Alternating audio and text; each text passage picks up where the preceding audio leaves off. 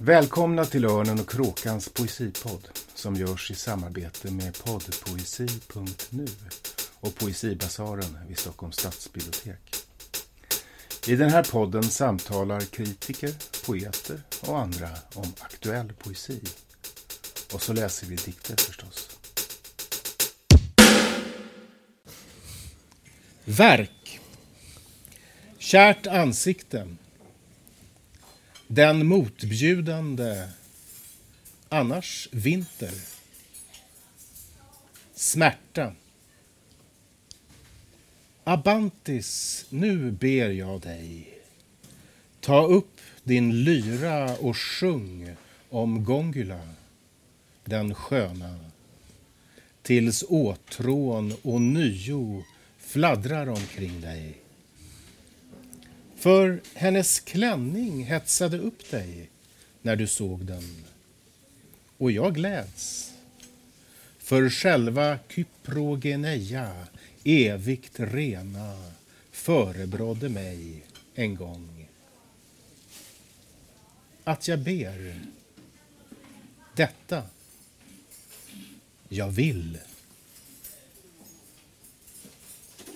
Välkomna till Örnen och Kråkans poesipodd som vi idag spelar in i Stockholms förorten Farsta på Café Fanfaren i det kombinerade kulturhuset och biblioteket med samma namn. Fanfaren alltså. Vi har en publik. Välkomna hit allihopa. Eh, jag heter Magnus William Olsson och det jag inledningsvis läste var ett diktfragment av poeten Sappho som levde för typ eh, 2500 år sedan på ön Lesbos i Grekland. Eh, och jag läste den i min och eh, Vasilis Papageorgious nya översättning som snart kommer att bli bok. Eh, det är alltså 2500 år sedan i det vi kallar poesins eller lyrikens eh, barndom. Och att jag valde just den här Sappho-dikten är förstås ingen tillfällighet. Eh, ni hörde ju hur fragmentet beskriver en sorts eh, poesiuppläsning. Abantis, nu ber jag dig, säger Sappho i dikten. Ta upp din lyra och sjung om Gongula den sköna tills åtrån och nio fladdrar omkring dig. Det kunde ju ha varit vilken hemmafest som helst. Ta upp gitarren och dra en låt. Och gärna med känsla och passion så att det händer något i rummet. Och så ber ju Sappho om sång och inte om tal i dikten. Det grekiska ordet lyrikos, från vilket vi har vårt svenska ord lyrik, betyder just av eller för lyra, eller till lyra kanske. Lyriken stammar alltså ur musiken. Sapfos dikter sjöngs. Och det är just detta förhållande, det mellan musiken och poesin, som vi ska tala om i podden idag. Och med mig här i Farsta för att tala om detta har jag två personer. Konstnären, låtskrivaren, musikern, artisten Sara Lunden och Elias Hillström, en av redaktörerna för BCNVT. Bläck, charm, nostalgi, vassa tänder. Som är en sorts eh, plattform kanske man kan säga. Med ett litet förlag, mikroförlag, en webbsida där man kan hitta väldigt mycket kul. Och ett fanzine som rör just gränslandet mellan musik och litteratur. Du Elias ska få förklara det där lite bättre om en stund. Eh, allt vad, vad BCNVT är. Men först Sara, så att publiken får lära känna dig. Berätta lite. Du är ju konstnär för, egentligen från början, eller utbildad konstnär om man säger så, på Konsthögskolan. Men hur kommer det sig att du liksom kom in på att, bli, att jobba med musik? Ja, det var väl egentligen bara en slump eller en, en det hände. Det, det, kom till mig bara kan jag säga. Eller bara och bara men det var som att det kom från ovan så kom det olika sånger som hade en, en, en melodi och en text. Det var väldigt... Eh, jag behövde inte jobba speciellt mycket för det så att säga i början utan det, det, det kom väldigt lätt. Det bara dök upp i huvudet. Och då, det var under tiden att jag gick på, på Konsthögskolan och då, då bestämde jag mig för att använda de här eh, sångerna eh, som helt enkelt konstnärligt material. Mm. Det var ju det naturliga eftersom att jag pluggade till konstnär. Liksom. Och, mm. och då eh, blev det att jag började jobba med performance där jag framförde de här sångerna. Så att jag liksom byggde upp scener så att jag skulle kunna eh, utan att skämmas framföra de här sångerna, mm. kan man säga. Ja. Och sen, så, sen, sen, liksom, sen, blev du, sen blev du duktigare och duktigare och duktigare får man väl säga. Också. Jag blev väl sämre och sämre och sämre. nej, men, nej men eh, alltså duktigare och duktigare. Ja, jag, det, det började ju intressera mig på, på, ett, eh, på flera olika plan. Liksom än vad det hade varit från början. Ja. Från början var det ju egentligen mest det visuella. Ja. Alltså eh, inte själva... Ja, det var, jag var också väldigt sådär, jaha, men vad, är det sant? Har jag gjort en, mm. en sång? Det var mm. väldigt naivt. Eh, men sen så naturligtvis, eller inte naturligtvis, men det blev så att jag helt enkelt började jobba mer med detta och intresserade mig också mer för musiken, hur låter det? Och, mm. och, eh, och sen har du ju släppt skivor, ja, ja, ja. många skivor och, och nu är du ju väldigt långt inne i det. Jag har egentligen gått kanske bort från det visuella och mer fokuserat på, på själva det ljudande, om man ska säga så. Ja, vi ska lyssna lite på din sista mm. skiva sen som är väldigt musikalisk. Den är väldigt starkt musikalisk. Mm, mm. Ja. Och du, Elias, du är ju bibliotekarie eh, som, i jobbet mm. och eh, du har, är ju vad ska jag säga, specialintresserad av poesi och har ju varit med många, många gånger i Poesipodden. Det var nog en anledning till att jag blev bibliotekarie, att där borde det finnas folk som är intresserade av poesi och en del var det, en del inte. ja, men precis. Ja. Och det, men uh, det där har du ju verkligen utvecklat uh, på Poesibasaren och nu när du jobbar här i Farsta också på många sätt. Men berätta lite om bläckskärm, nostalgi, vassa tänder och det där spåret i ditt liv. Det är ett märkligt namn, men det ska jag inte prata om. Men, ja, men många av oss som eh, håller, eh, har jobbat med de böcker som vi ut är ju också bibliotekarier. Mm. Så det, det, kanske inte är en slump, men vi har kommit på det att de flesta av oss är det i olika former, olika ställen i Sverige. Hur det kom till, det är egentligen eh, min kompis, då, så jag har blivit väldigt god vän, Stefan Zackrisson som är lite grundare till den här BCM. Han har väldigt mycket idéer om, om olika böcker om popmusik. Mm. Eh, och hade väl kanske någon tanke från början att försöka få något förlag, större förlag att ge ut dem. Men eh, det finns ingen som riktigt sysslar med popmusik på det sättet som vi var intresserade av. Det är mycket i en brittisk kontext. Mm. Eh, musikjournalister som Simon Reynolds och Mark Fisher och så. Eh, som inte riktigt, man skriver inte riktigt om popmusik på det sättet i Sverige idag. Eh, och sen hade han väl en väldigt bra idé i hear a new world och musik mellan 1958 och 62. Precis. Den mest bortglömda och förkastade delen av pophistorien som egentligen visade sig vara kanske en av de allra mest spännande. Och den boken och mycket av det som vi gör grundar sig i, mycket kollektivt skapande. I och Facebook. det blev en bok? Eller det blev en ja. bok, Facebookgrupper och sådär. Mm. Så det är mycket att det görs tillsammans, mm. saker som knyts ihop. Man, hitta något spännande spår någonstans. Redaktionskollektiv? Ja, det är mycket att det, där fanns det, vi hittade så mycket som var spännande som ingen hade skrivit om som ja. vi kände att det borde vi göra. Och det var väldigt roligt. Och vi gjorde väldigt mycket tillsammans. Det var väldigt många, många grejer vi gör så är det väldigt många som är med och skriver. Det är mm. inte en person som skriver en bok utan det är 20-40 personer kanske som skriver tillsammans. Så det är mycket det som är roligt, kollektiva. Vad, vad, heter er, er eh, hemsidesadress? bcnvt.se. Sen, det här var ju ett tag sedan och det blev några böcker, men det, det var rätt många år sedan det blev en bok nu. Eh, och vi har väl blivit mer och mer blogg och fanzine. Fanzine är väl kanske det bästa sättet att skriva om just popmusik på något sätt. Det blir lätt lite högtravande när det ska in plötsligt och bli en bok mm. av det här. Att den här entusiasmen och lekfullheten som är viktig gör sig väldigt bra i ett fanzine. Man kan, mm. man kan skoja och leka och experimentera på ett annat sätt som känns mer avslappnat tror jag. Mm. Um, sen hade vi planer på att göra någon slags grand final i, i år, men då kom ju pandemin. Vi har en idé om, Mhm. som jag kan avslöja här, som, vi har, som är ganska klar, som ska heta Tusen år av japansk popmusik. Eller Tusen år av japansk pop. Från kuddboken till, Ja, till, ja. till sånt som har kommit idag. Och då är det både litteratur och, och musik. Det finns inte så mycket böcker om Japansk popmusik från, från Japan, men det finns väldigt mycket bra musik som har gjorts där. Det Mm. finns en del special, men det här är mer ett, ett bredare.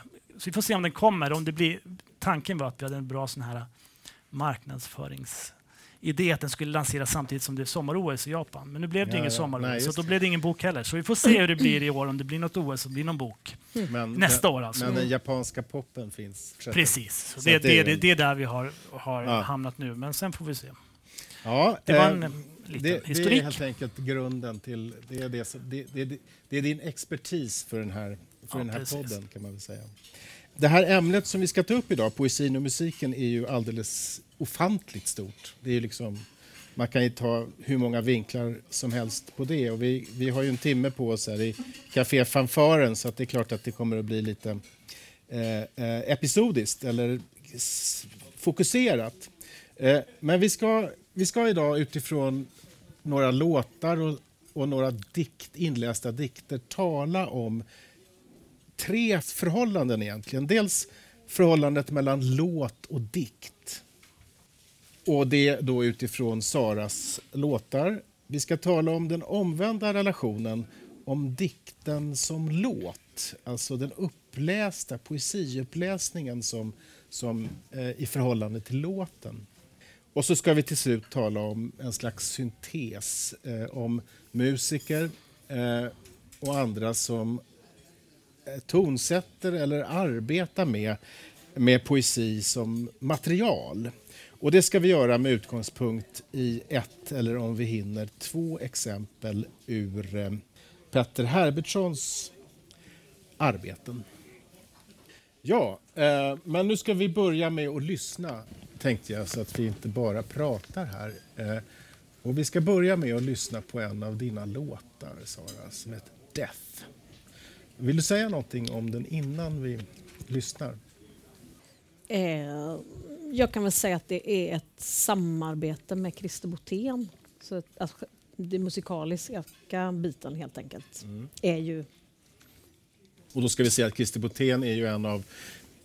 En, han kommer ifrån, han är också konstnär i grunden faktiskt, precis som du, men han, kommer ju, han är ju en av jazz och improvisationsmusiken och nu allt mera konstmusikaliskt grundad musiker. Han har spelat med Don Cherry, han har spelat med alla. Han hade, han hade det fantastiska bandet Bolombata under lång tid. Han har eh, studerat afrikansk eller Sahel, nordafrikansk musik i många, många år. Eh, och så. Och det här, den här det, det, det vi ska spela, ja, det, Ja, det här är en, en, en låt från en skiva som vi gjorde tillsammans. Och där musiken är som, eller låtarna är skrivna till Christer precis. från mig. Så det är som, ja, helt enkelt. Det är från Sara till Från Christer, Sara till med Christer. Christer. Med Christer, exakt. Man tar in objektet i. Ja. Ja, eh, den, här, den här låten är, den är nästan sex minuter och här kommer den nu.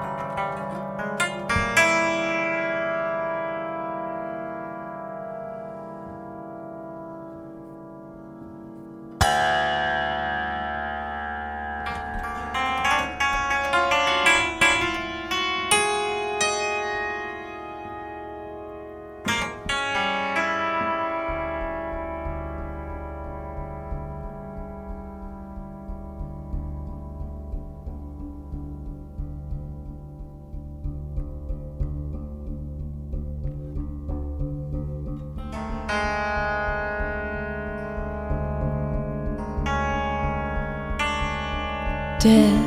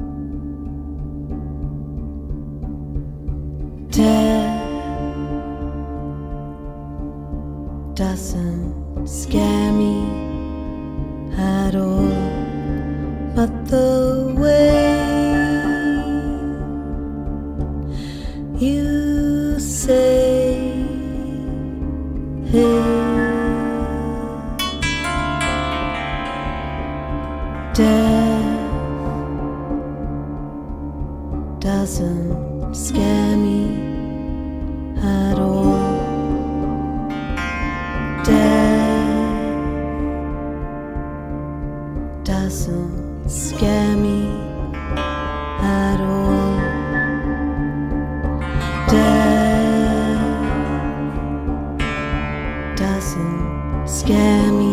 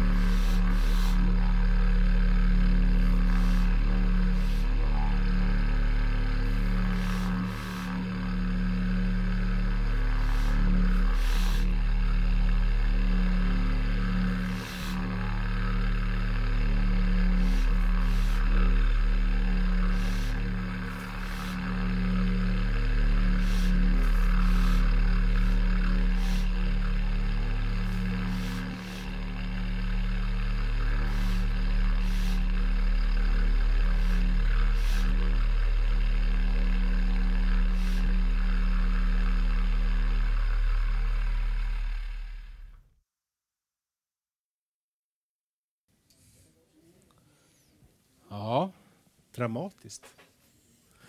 Får man säga. Um, kan du inte berätta lite, Sara, där med... Alltså, hur, hur kom den här låten till? Är det så att texten... Liksom var, det, var det så att du, hade ett, du visste vad du ville skriva om eller var det så att du fick en text som du sen gjorde med? Eh, jag visste inte vad jag ville skriva om. Jag hade precis träffat en eh, man som var då ganska mycket äldre än mig själv. Och jag har skrivit, eller eh, låtar, när, jag skriver, när det kommer låtar, när jag skriver låtar, då är det oftast att jag har varit förälskad eller mm. ja, utifrån ett möte. Inte bara, men ganska mycket. Så när vi precis hade träffats så kom... Eh, det var som en, jag antar en naturlig frågeställning. För efter den här mannen är 30 år äldre än mig och eh, hur ska det gå? Ska det liksom så själva rent, frågeställningen, frågeställningen fanns ju ja. i, i mig och kanske i, i oss också. Det mm. vet ju inte jag, men i mig så var ju det någonting som var, men mm. herregud, döden. Mm. Och så... Skrev du texten då? Eller? Ja, det kom bara den här, texten, den här frasen. Det är ju mer som en fras ja. eller bara som en... Det är ju inte så mycket text utan det, är, det här kom, den här meningen mm. kom i mitt huvud samtidigt som mm. då melodin mm. kom. Det är oftast så som jag skriver mm. en, en, låt så då är det death. Mm. Genant nog så, skrev, så var det fel, så jag hade skrivit och även spelat in den här.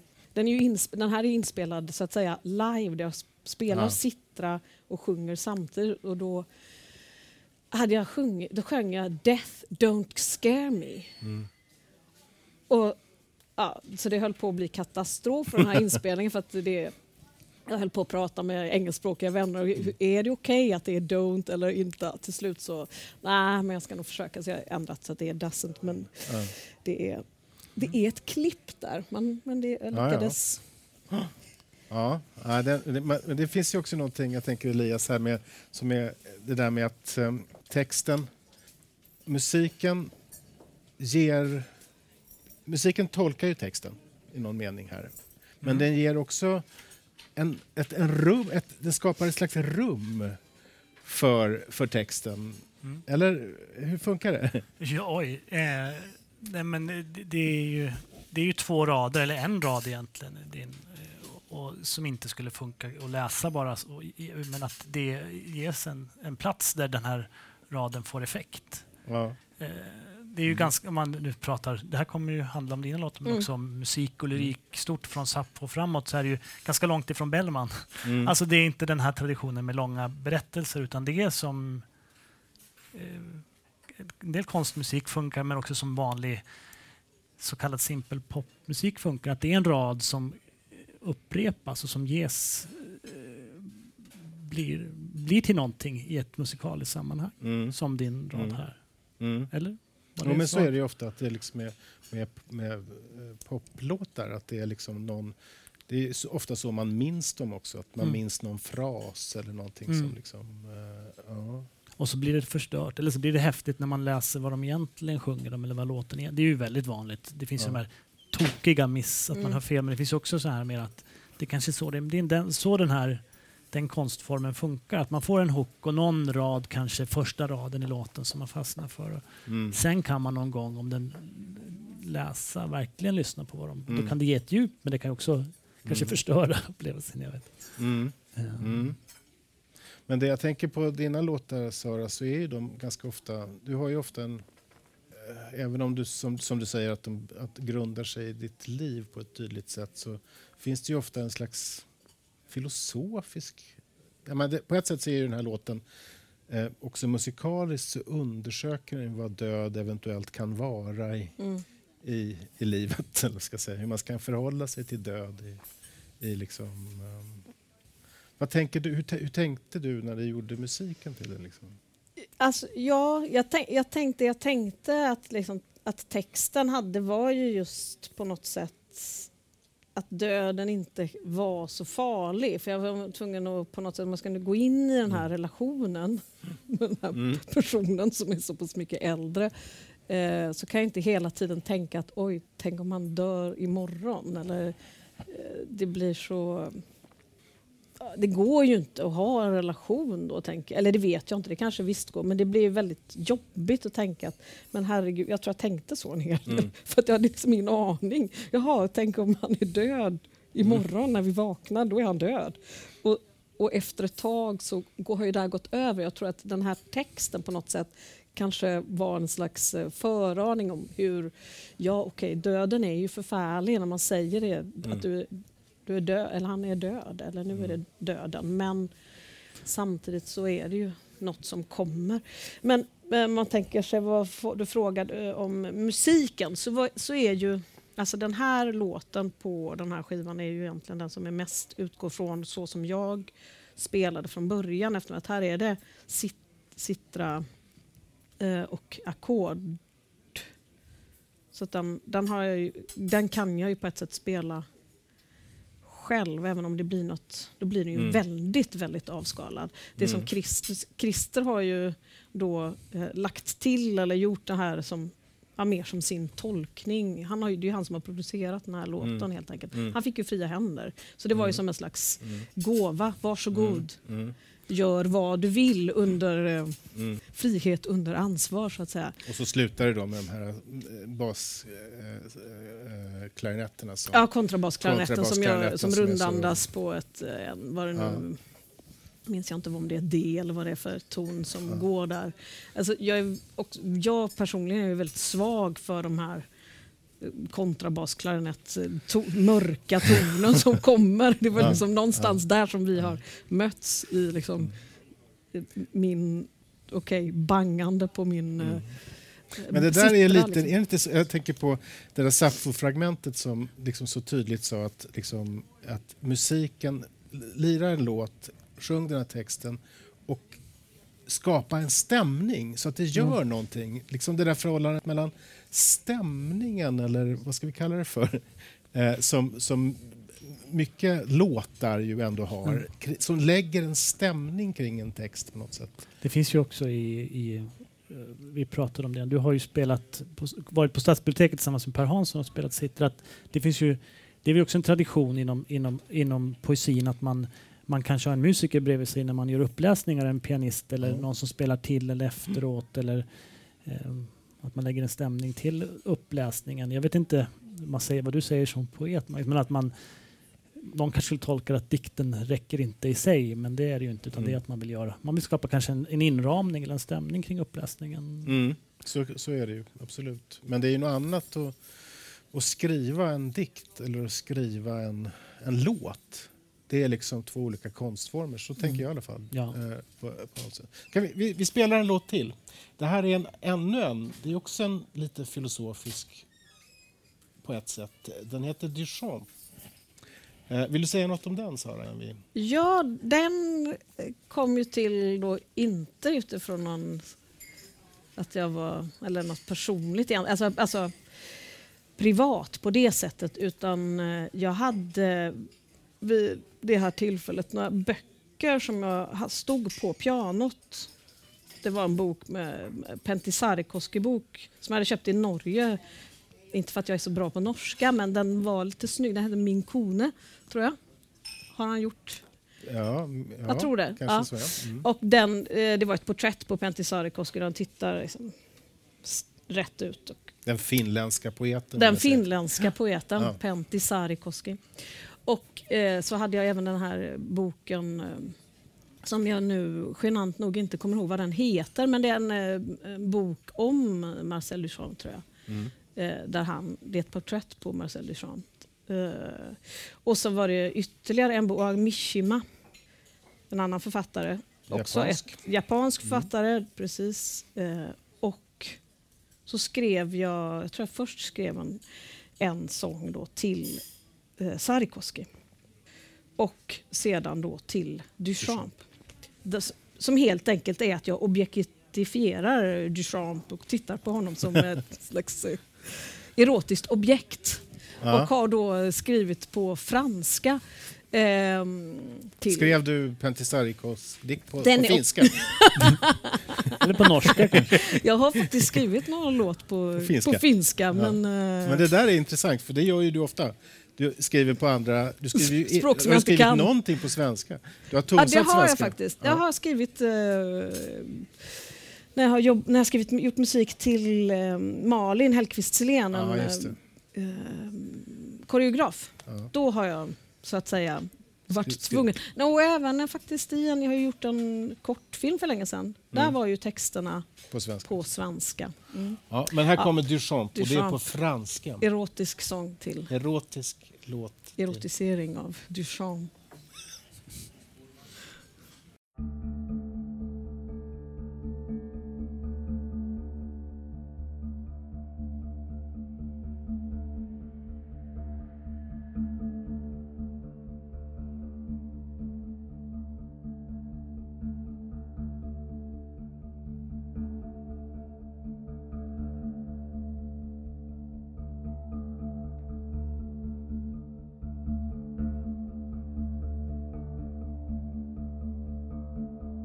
Tes yeux, ils ont belle et je pense souvent à ton cou sous le col blanc. Tes yeux, ils ont belle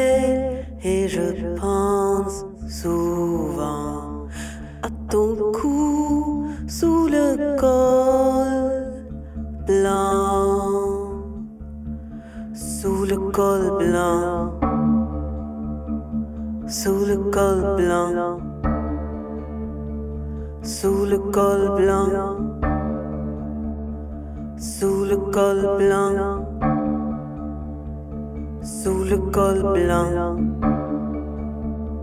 sous le col blanc, sous le col blanc. Sous le col blanc. Tes yeux, ils ont paix et je pense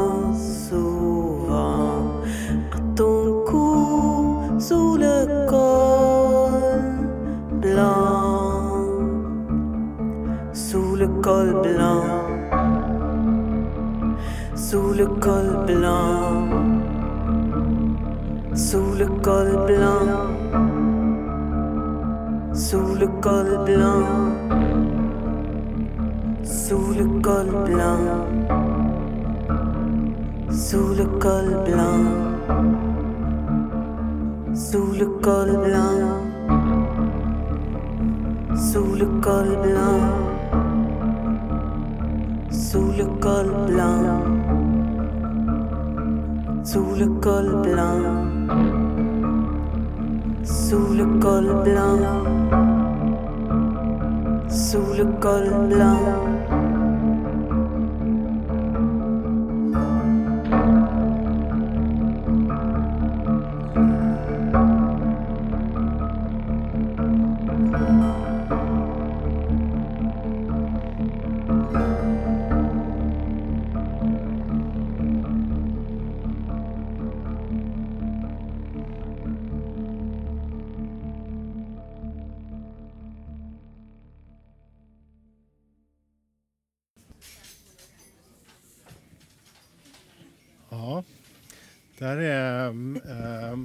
Tänker på franskan här.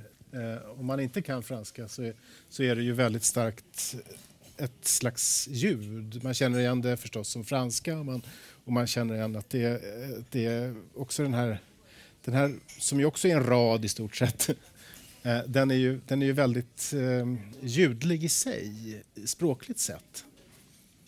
Eh, Franskan, när man hör, för det här är ju närmar sig lite mer poppen då, även om det Mm, är absolut. så, så, man, så är det en tradition från Serge bor och så här, Ja. men, alltså, men ännu längre tillbaka men just med fram till sådana som Stereolab och så som om man inte är så high på franska så, eller kanske även om man är det så, så associerar man ju till det ofta. det gör man, det, blir, Det- men det kommer en tradition. en Ja, musikal- precis. En låttradition.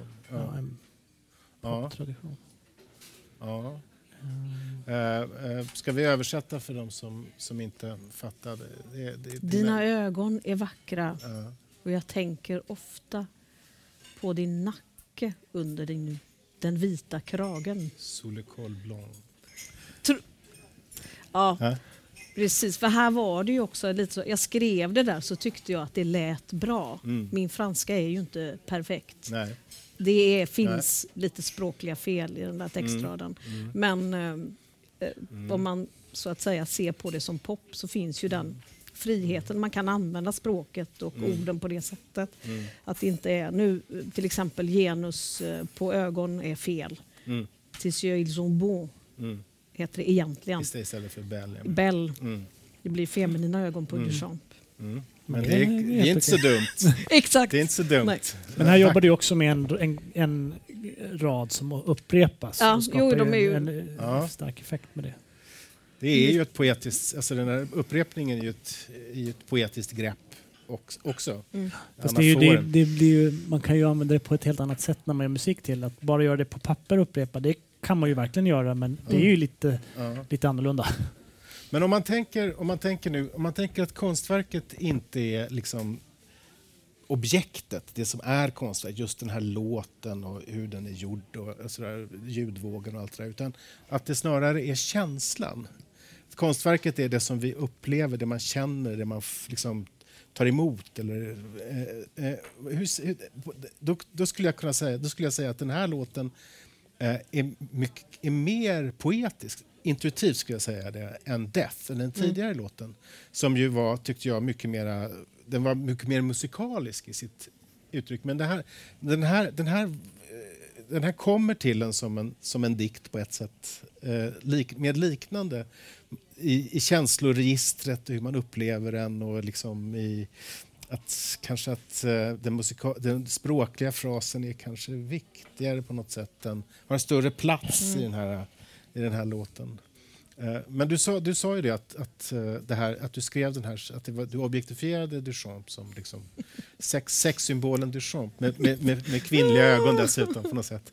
Eh, och då skap, det skapar ju, jag är tillbaka igen i den där eh, Sappho-dikten. att Just det. Liksom, Mm. det erotiska, att det poetiska, att det musikaliska skapar en slags möjlig, ett större känslo, rikare känslovärde Mm. kanske. Än, än, eller?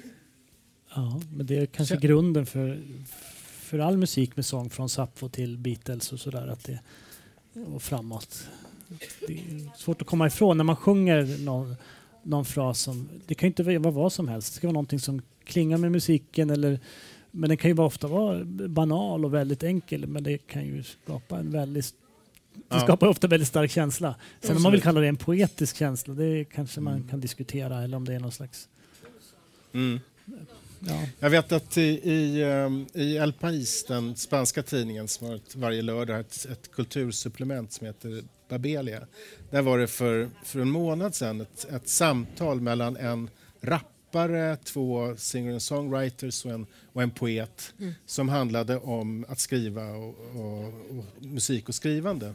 Men där diskuterade de väldigt mycket eh, möjlighet. Är sången är, är liksom låten en litterär, litterär? Vad skulle ni säga om det? Är, liksom, är, det, är det en litterär? Är liksom sången en sorts litteratur? Så jag tänker på, vi har ju, Dylan har fått Nobelpriset, Leonard Cohen fick... fick Men det, det gjorde de på Kulturnytt såg jag nu när eh, Glick här fick Nobelpriset. Mm. Och då tog de alla de senaste 25 årens Nobelpristagare och då var det fem poeter, 15 prosaister, två dramatiker och en rockpoet. ja, Alltså Dylan då. Ja. Så då har de ju, ja eller vad man ska säga. Men ja, vad säger du? Ja, det är klart att det är en litterär genre. Men Mm. det är ju inte bara det. Det är Nej. en musikalisk genre också. Och Det är det, är, det är framförallt en syntes däremellan.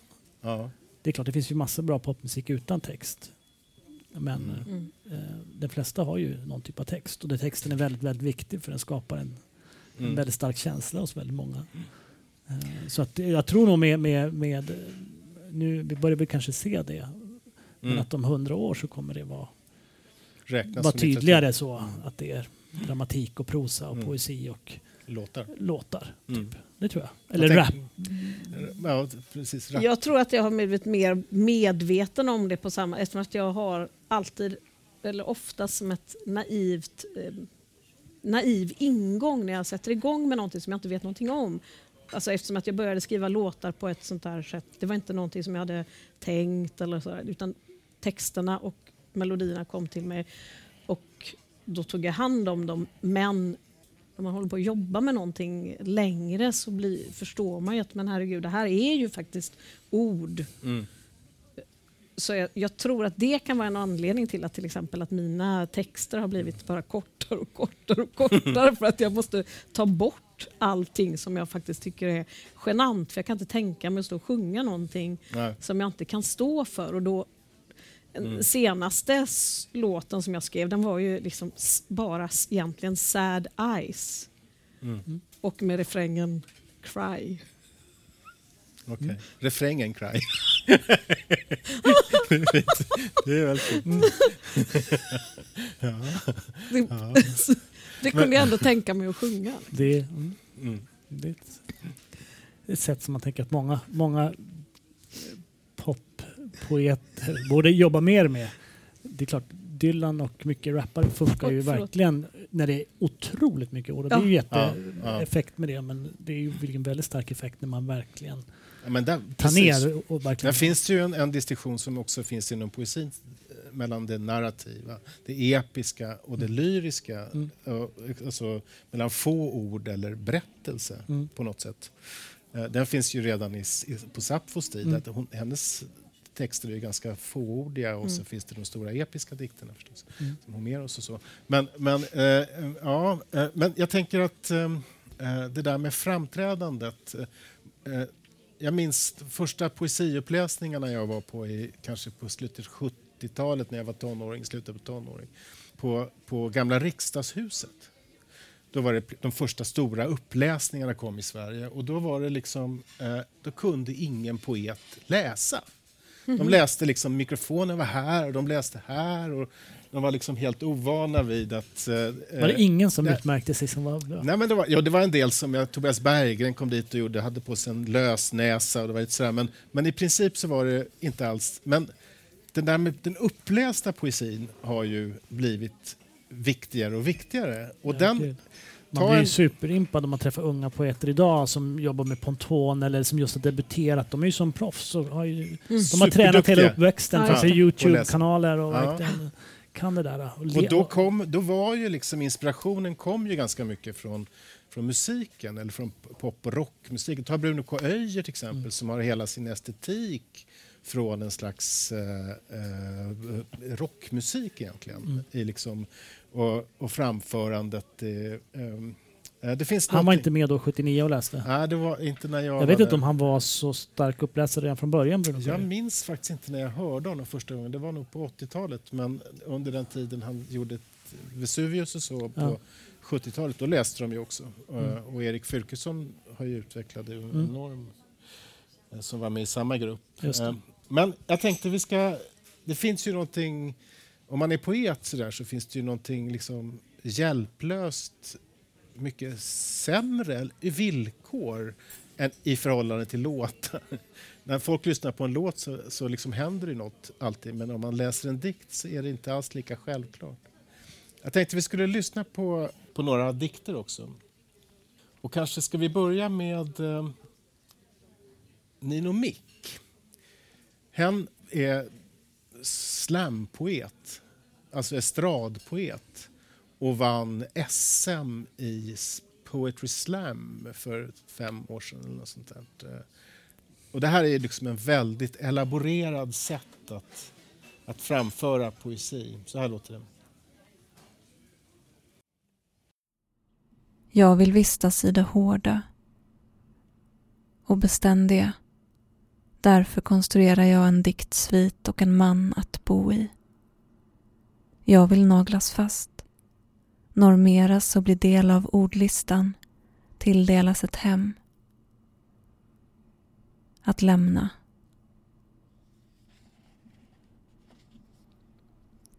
Scener flyter samman. Folkbibliotek och pridefestivaler, småorternas tågstationer, pressbild och beskrivning på max 50 ord. 25 000 kilometer nervtrådar. Jag väljer den rödaste. Drar fram den ur halsen och lägger den på scen. Mitt liv är tre minuter långt. De säger 10,0. Jag försöker koka ner till minnesens, bli ett koncentrat av min egen existens. Sen kallas det för politik. Försökte kasta ut mitt inre Jesusbarn med badvattnet. Men det höll sig liksom kvar i kanten och skrek och skrek. Jag vill ju inget hellre än att fiska kristdemokrater, vifta med en liten krok av poesi. Den här kroppen är så användbar att agna med. Människor kom fram till mig för att bekänna sina heteronormativa synder och jag sa här, ät min kropp, jag är en mask och du ska fiskas upp, du ska bli frälst, du ska bli god. Men varför längtar jag till himlen? när jag trivs bäst i fuktig blomsterjord. Vad ska jag göra med plastorden? Vad ska jag göra med mellankönen? Född i fel kropp, man och kvinna, pojke och flicka. Kan de komposteras eller brytas ner? Mm. Hur tänker ni om den här som, som låt? Jag tänker mig att eh, det är eh, ändå en ganska idag ganska standard till stor del uppläsning som de, de flesta, många poeter låter så här idag. Men det finns några stilfigurer som känns som att de eh, verkligen kommer från det som har blivit en slags genre med att byta tempo mm. och gå in i lite mer, nästan lite mera rap, inte riktigt men mm växla lite tempo så som är, och mm. gå upp lite och sådär som, är, som man ofta hör på slam. Nu är jag inte någon slamkännare men mm. man har haft öppen scen och så. Um, men den är, det finns ju det som är slampoet så skulle nog folk tänka någon som ännu mer närmare kanske ja. rap, mera intensiv och det här är ju ändå en ganska bakahållen läsning. Ja, ja, så tänker jag nog också. Men jag har inte... För jag, jag, vad är slam i förhållande till om inte det här är en uppläsning av en dikt? Är inte detta en... Eller så tänker jag att detta är. Mm. Men som är rätt så då, precis som du säger, att den går, den skiftar i tem, tempi. Mm. Nej, men att den går mer som att man... Jag, jag upplevde, jag lyssnade på en annan dikt som hon hade eh, läst in och den var ju rätt så alltså melodiös i uppläsningen mm. uppfattar jag. Men det tänker jag inte kanske nödvändigtvis har någonting med slam. Nino Mick är ju en poet som har gått från slamscenen till bokpoesin och det känns ju... Eh, men eh, just det, um, man kanske ska säga någonting om slam. Slam är ju en tävlingsform egentligen av framförd, estrad, estradframförd mm. poesi. Eh, och det finns ju någonting i, som liknar låten, alltså liknar musiken eller poppen eller ska säga rocken i det där att slampoesi vänder sig väldigt starkt till en publik eller estradpoesi hela tiden förutsätter att här, där sitter ni, liksom, mm. det här kan vi göra live, det här gör vi live. Och, och, och ofta improviserat. Ja, eller att man åtminstone ska känna att liksom, det ska hända något i, i publiken. Man, man, det finns ett teatralt moment i det. Och det, det tänker jag på dina låtar, uh, Sara. Du prat, var inne lite på det. Det, det, det. det, ligger ju, de ligger ju väldigt nära performancet, alltså som konstform. I, I dina framföranden, absolut. Åtminstone tidigare. Att det, liksom, att det finns någonting där som har att göra med liksom det teatrala också. Och det tror jag att, att den här formen av, av estradpoesi mm. har. Eh, och, eh, och Nino Mick det, det är ju nästan lite skådes, skådespelsframförande, Mm. tycker jag. att det är en sån... Ja. Vi, vi kan, kan vi lyssna på, på Erik Bergqvist också? Som läser lite likartat. Också sådär intimt och Men nära. som absolut inte är en slampoet. Som verkligen inte är en slampoet om jag får säga så. Ja, precis. Men att det ändå kan hitta likheter däremellan. Det är Ja, men precis. intressant. Så här. Fläckar av sömnbrist bland träden. Allt det ovanligt öppnar sig hjälplöst i gröna skuggor. När ansikten träder fram i ljuset av andra ansikten föreställer man sig alla minnen där på insidan. Utvilade som paraplyer. Kvar i mörka hörn Plötsligt flammande galna papegojor. Stilla igen. Silade sönder borta i det obligatoriska duggregnet som dricks av gräset av en större gom. Glömskan. Som alltså finns och fläckvis överger sitt mörker i beröring med sommaren. Nu är du här igen för första gången och ska åka den röda bussen till världens största leksaksaffär. Nu är du här nästa gång och har stämt möte med någon som tycker om när du ser på hennes ansikte och undrar över dess ljus och hur ansiktet förvandlas så som glömska förvandlas till minne när man kommer den nära. aldrig hinna varandra. Bara döden är framme. Om det fanns en karg välvilja, men strofen äter sig själv med vinäger. Mitt emot museet rear antikaffären ut näsor från epikureisk tid. Bakom rösterna är tystnad. Bakom tystnaden röster. Och det som ligger för ankar ser ut att glida förbi oss. Tomheten bär allt det som är. Snart är träden osynliga, dikten glömd. Snart är regnet ensamt.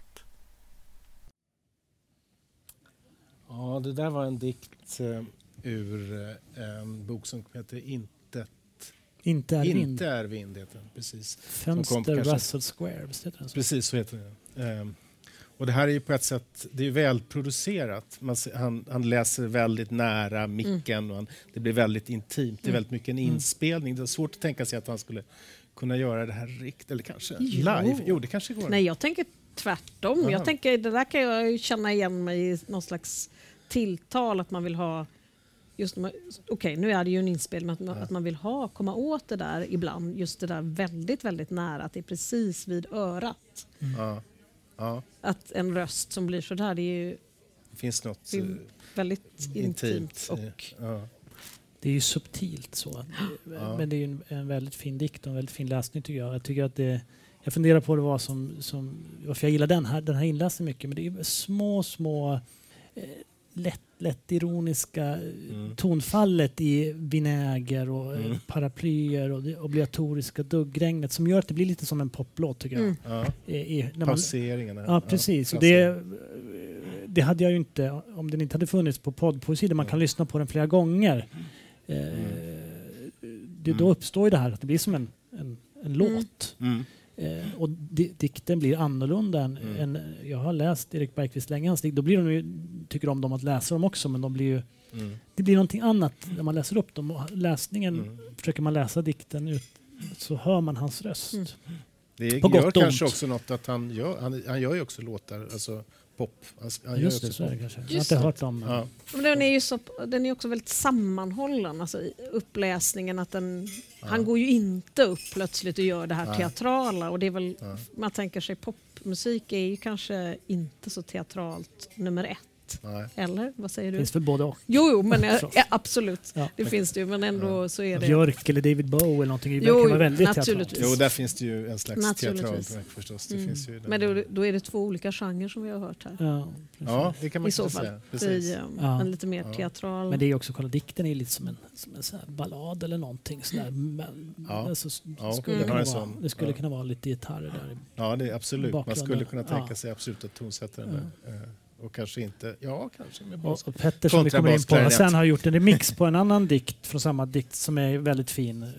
Där han har Ja, remixat precis. Erik Vi- Bergqvist bland annat. Just det, alltså Peter Herbertsson som ju är eh, vi ska prata lite om och lyssna på. Han, han är ju musiker eh, och bibliotekarie också. Mm. Eh, och, eh, han har under lång tid, han jobbar på Lindängen biblioteket i Malmö och där har han under lång tid remixat inspelade dikter de, det publiceras under, på Soundcloud kan man, läsa, kan man lyssna på dem under, under devisen re kolon dikt.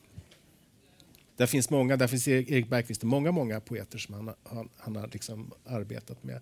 Men han, han använder ju dikterna som ett slags material och vi har fått, vi har fått en, en inspelning av honom som, vi tänkte spela, som jag tänkte spela upp. Och, vad, vad, säg någonting om den, eh, Elias. Ja, eh, jag kan säga något om, om Petter. Han är ju eh, en väldigt mångsidig popskapare eh, från Malmö som har gjort i många olika varianter. Framförallt så har han ju jobbat med sitt band som heter Testbild i, Mm. i drygt 20 år och gjort eh, många olika tematiska, mycket tematiska skivor om olika saker. Eh, men eh, ehm, och han har även gjort då, som vi inte kommer att lyssna på nu, men som jag ändå vill nämna. Han är ju, hjälper ibland Blag och Bung att spela klaviatur. Eh, Blag och Bung, gamla postpunkbandet där Jonas Ellerström och Martti Sotkari är med. Eh, och han har även under namnet Partikelbana tonsatt Martti Sotkaris dikter. Väldigt fint. Då är det mera då har man ju då eh, tonsatt på ett klassiskt, man sjunger dikterna helt enkelt. I de här redikt då karism är en poet, helt enkelt. från Malmöligan då, Malmöligan, ja. som har hållit på länge. Men, Mm. eh, I de här redikt då är det ju inläsningen och så använder han inläsningen som ett instrument och Ja. fyller i med ljudeffekter och instrument och så. Eh, och det som vi ska lyssna på nu det är ett, eh, en förhandslyssning på ett projekt som heter Anaglyfparken. Och det är ett slags, han har fått en liten text, det är ingenting som finns att lyssna på, det ska komma förhoppningsvis på skiva efter, efter nyår. Det handlar om eh, människors liv i en fiktiv park. Det är texter av Karin eh, Kristensen. Mm. Eh, och det, poet. Poet, ja. Precis. Mm. Eh, och det här då, det finns en bakgrundshistoria och det är monologer och dialoger och eh, mera dikter så att, som bildar en slags helhet då när man hör alltihopa. Men nu är det då ett, ett utsnitt vi ska höra Mm. och det bygger mycket på att det är vänner och bekanta och poeter och musiker som har skickat olika musikfragment och inspelningar från olika parker i Lund och Malmö och olika som har läst in olika saker. Eh, och jag, jag tror att det här det är lite inspirerat av att han har jobbat med de här i dikt. Fått Mm. smak för att jobba mer med röster. Även om han har gjort det tidigare så tror jag att det här är...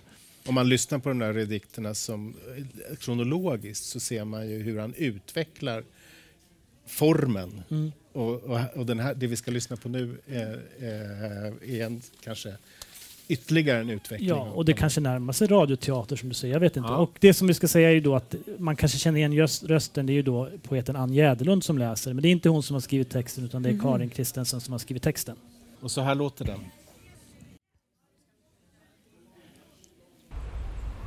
hennes huvud. Det blir ju inte lättare av att det är så varmt. Vid tinningen är det ganska mjukt. Och där brukar det kunna knådas bort en del av den allra värsta ansamlingen av röster. Som alla kommer från mig själv. Men det är klart, bra blir det ju aldrig. Och balkongen kan man inte heller sitta på i det här cementlivet. Som bara trycker ihop sina grå kinder. Tills man blir en smal ansiktsmassa. De runda kinderna. Snart flyter man väl ut. Eller blåses upp. Och får inte plats. Ingen ska få denna burk. Det gör ont i öronen när man pressar ihop. För det knycker till stumt. Och det ljudet stannar i ens huvud i tinningen där man just masserat. Oj. Runda kinder. Det blir det aldrig igen. Det är bra att bo nära parken ändå. Här kan man sitta med sin smala påse. Och nu är det bara nej, nej och åter nej. Det är bara stramt och beige och inte de där mjuka kinderna. Det är anpassat, inbokat, uppstagat. Det var länge sedan man drömde en endaste dröm. Brukar vakna törstig. Går gången från soffan fram till kylen och häller upp äppeljuice. Balkongen blir ju som ett extra rum. Det sa någon för alldeles för länge sedan. Och då blir parken som en extra stor hudyta. En stor brun fotsula att gå omkring på. Nej, jag drömmer inte heller längre.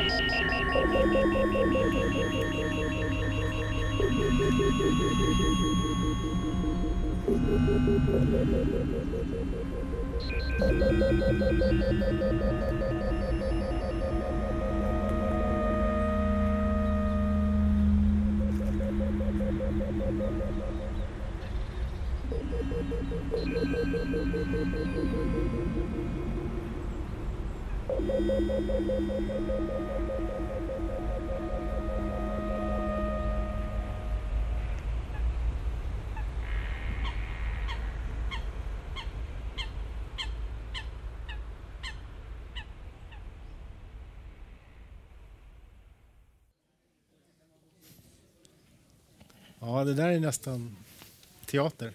Ja, kanske. Någon slags Ja. Ljud. ljud. Eh, Förr i världen så fanns det på Sveriges Radio hade de någonting som fanns det, den, odlades den här genren eller relationen mellan text och musik i något som kallas för musikdramatiska gruppen. Man fick beställningar för att göra, göra liksom, arbeta tillsammans med musiker.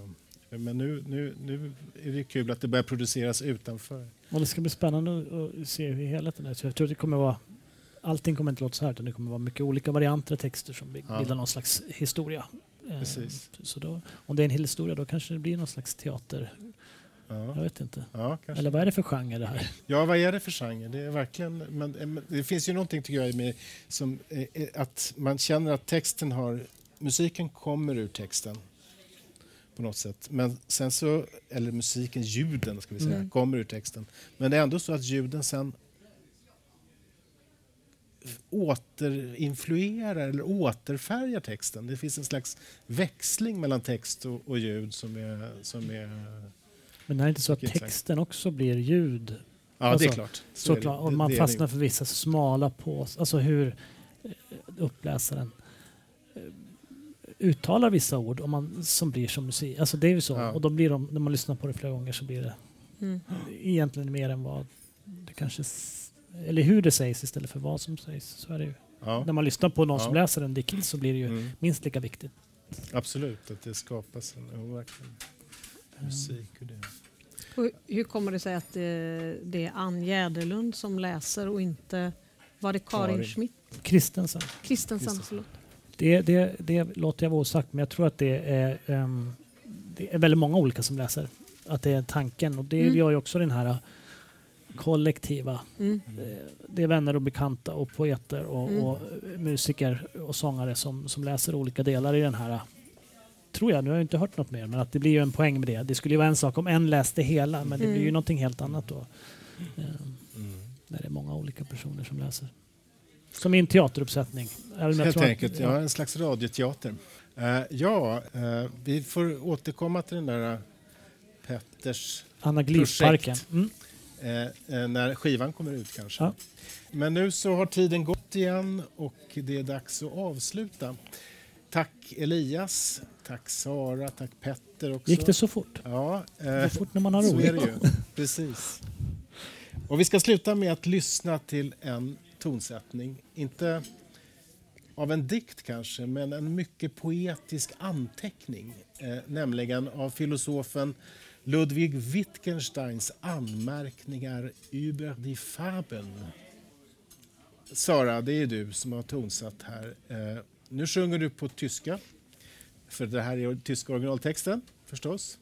Va, vad var det som fick dig att ta dig an eh, anmärkningar om färg, som den heter på svenska? Jag antar att det ska bli den korta versionen här nu Ja, då, eller hur? ja. Eh, jo, efter, eh, ja, för den är egentligen ganska lång. Men eh, varför?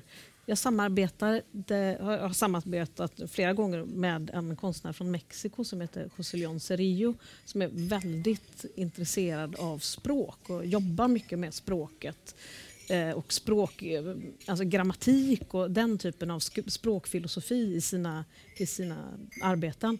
Och eh, vi är nära vänner och har, jag är också väldigt, gillar språket fast Som kanske, från- ja, fast kanske från ett annat håll. Eller vi har liksom någonting. Och så skulle vi, han ville att jag skulle göra eh, en performance i en utställning i eh, Mexico City. Det här var väl ja, kanske tio år sedan eller något i den stilen.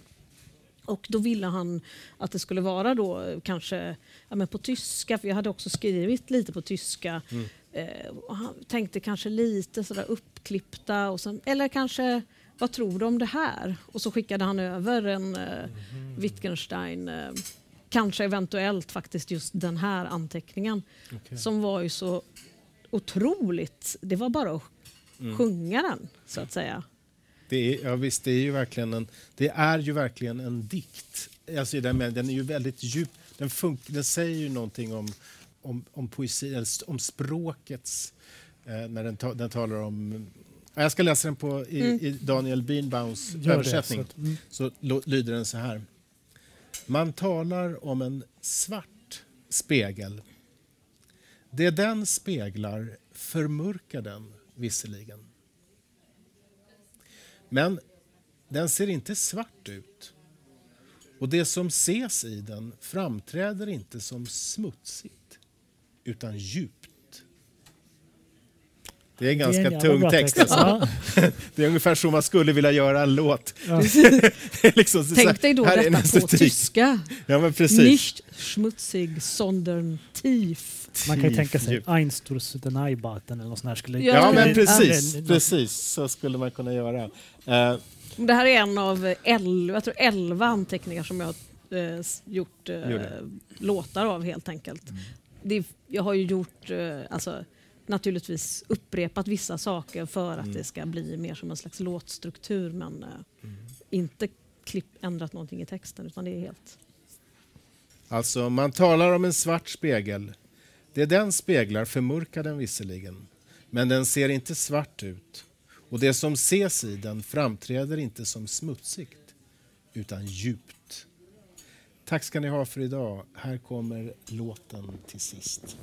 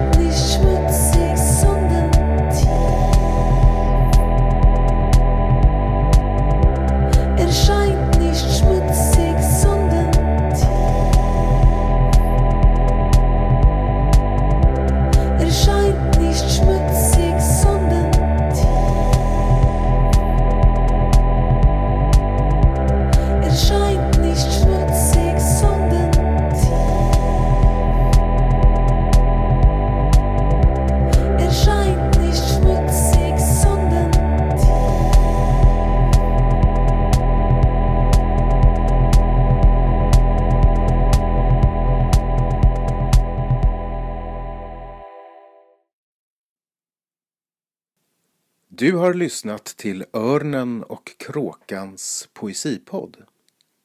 Läs mycket mer om aktuell poesi på ornenochkrakan.se